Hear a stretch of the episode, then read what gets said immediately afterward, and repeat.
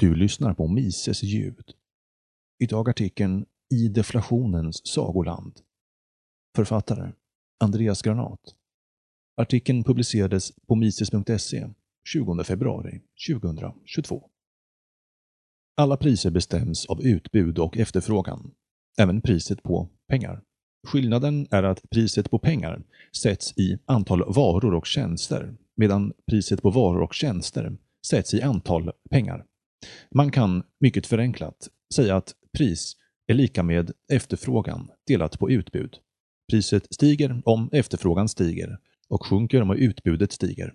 Det gäller även pengar. Priset på pengar kan endast stiga om utbudet på pengar minskar mer än efterfrågan på pengar. Eller om efterfrågan ökar mer än utbudet. Allt annat är matematiskt omöjligt. Inflation kännetecknas av att pengar minskar i värde till följd av ett ökat utbud av penningmängden. Priset på pengar blir alltså lägre, medan den allmänna prisnivån på varor och tjänster stiger. Tvärtom är det med deflation. Vid deflation ökar värdet på pengar. Tänk dig att du sparade 1000 kronor under madrassen för 10 år sedan och att du idag kunde köpa dubbelt så mycket för pengarna än vad du kunde då. Dina pengar hade alltså dubblat i värde. Så skulle vi ha det om vi levde i en deflationsekonomi. Låter det för bra för att vara sant? Ja, vilken centralbank skulle tillåta sådan lyx? Lek med tanken att du köpte ett hus för 20 år sedan. Huset kostade en miljon och är idag värt 2 miljoner. Omräknat till dagens penningvärde motsvarar en miljon för 20 år sedan idag cirka 2,285 miljoner. När du sedan säljer huset och gör en vinst på 715 000 kronor, med tanke på inflationen, så kommer du att skatta på en hel miljon eftersom staten anser att det är din vinst. Det står ju så på pappret. Staten beräknar din vinstskatt till 2 miljoner minus 1 miljon gånger 0,3 är lika med 300 000. Men i själva verket borde vinstskatten beräknas enligt följande. 2 miljoner minus 1 miljon gånger 1,285 gånger 0,3 är lika med 214 500. Alltså har du fått skatta 75 500 kronor mer tack vare inflationen. Men tänk om det vore tvärtom? Tänk dig att du köpte ett hus för 2 miljoner för 20 år sedan och sålde det för 1 miljon idag. Om staten beskattar reavinst hade det inte blivit en spänn för staten. Inte heller för dig. Inte om vi räknar vinst i pengar i alla fall. Men vi får inte glömma att pengar är ett bytesmedium. Ingen vill egentligen äga pengar, förutom i en deflationsekonomi, som en form av investering. Det man vill äga är det som kan köpas för pengar. Vi blir inte per definition rikare av pengar.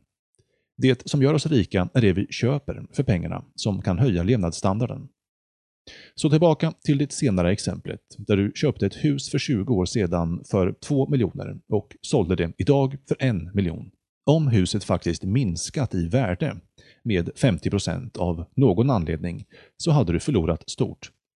Men om fallet var att husets pris minskade med 50% på grund av deflation så betyder det att den miljon du fick för huset har samma köpkraft som de två miljonerna du köpte huset för. Om den allmänna prisnivån sjunker med 50% på 20 år så betyder det att huset fortfarande är värt lika mycket i förhållande till andra varor, men värt mindre i förhållande till pengarna. Om husets pris däremot sjönk med 50% på grund av värdeminskning hade huset varit mindre värt i förhållande till andra varor.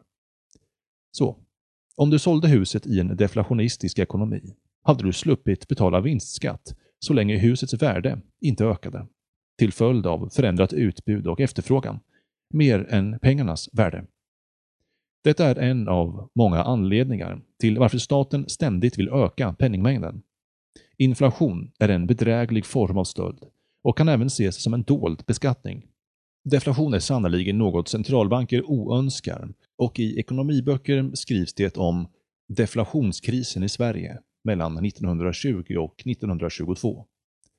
Man kan läsa om hur Sverige hade högre arbetslöshet under deflationskrisen än under depressionen och att företag inte vågade göra investeringar under deflationen. Det senare påståendet är såklart falskt, vilket Bob Murphy förklarar på ett enkelt sätt i sin artikel “Four myths about money that ought to die forever” som jag översatte på Mises. Murphy tar upp fyra myter om pengar och slår hål på, varpå den fjärde myten lyder så här. Deflation är oönskat eftersom det handikappar investeringar. Om priser generellt sjunker kommer ingen investera i verkliga varor eftersom att han kan få en högre avkastning på att hålla i pengarna. Och så här svarar han. Anta till exempel att någon tänker investera i flaskor med jäsande druvor som kommer vara redo för försäljning som vin om exakt ett år. Avkastningen på denna investering rör priset på druvorna år 2005 och priset på vin 2006. Så, låt oss förfina exemplet och anta att alla priser faller med 50% per år. Det vill säga att deflationen är enorm och antagligen kommer ingen vara villig att investera i vin eller någonting annat. Ändå finns det ingen anledning att dra denna slutsats. Till exempel hade priset på en flaska med jästa druvor kanske varit 100 dollar år 2005 och priset på en flaska vin samma år 400 dollar. Priset på druvorna 2006 kommer då att vara 50 dollar och på vinflaskan 200 dollar. Notera att som stipulerat har priserna sjunkit med 50 skulle vår investerare föredra att hålla i sina pengar, som på sätt och vis stiger i värde med 100% per år? Inte alls. Med våra siffror skulle investeraren få en 100-procentig nominell avkastning på sina pengar om han investerar i vinindustrin. Han betalar 100 dollar för flaskan med jästa druvor 2005 och säljer den sedan nästa år för 200 dollar. Hade vår investerare hållit i sina 100 dollar år 2005 så skulle dess köpkraft ha ökat från en fjärdedel av en vinflaska till hälften av en vinflaska. Men genom att investera sina pengar går hans köpkraft från en fjärdedel av en flaska 2005 till en hel flaska 2006. När vi tillåter att priserna på kapitalvaror och råvaror anpassas till förväntningarna på deflation finns det ingen anledning till sjunkande priser som hindrar investeringar överhuvudtaget. Så, hur kommer man fram till deflationens sagoland? Hur undviker man inflation och ser till att pengarna ökar eller behåller sin köpkraft? För det första så måste pengarna vara en knapp resurs som bitcoin eller ädelmetaller. Till skillnad från dagens fiatvalutor som teoretiskt sett är oändliga Personligen föredrar jag fysiskt silver och även guld som pengar, men hade såklart velat se digitaliserat silver också. Betänk att det inflationsjusterade priset på silver har stigit med 200% de senaste åren. Sätt detta i perspektiv mot den svenska kronan som tappat cirka 22% av sin köpkraft under samma tidsperiod. Oavsett vad vi använder som pengar så räcker det inte att pengarna är knappa.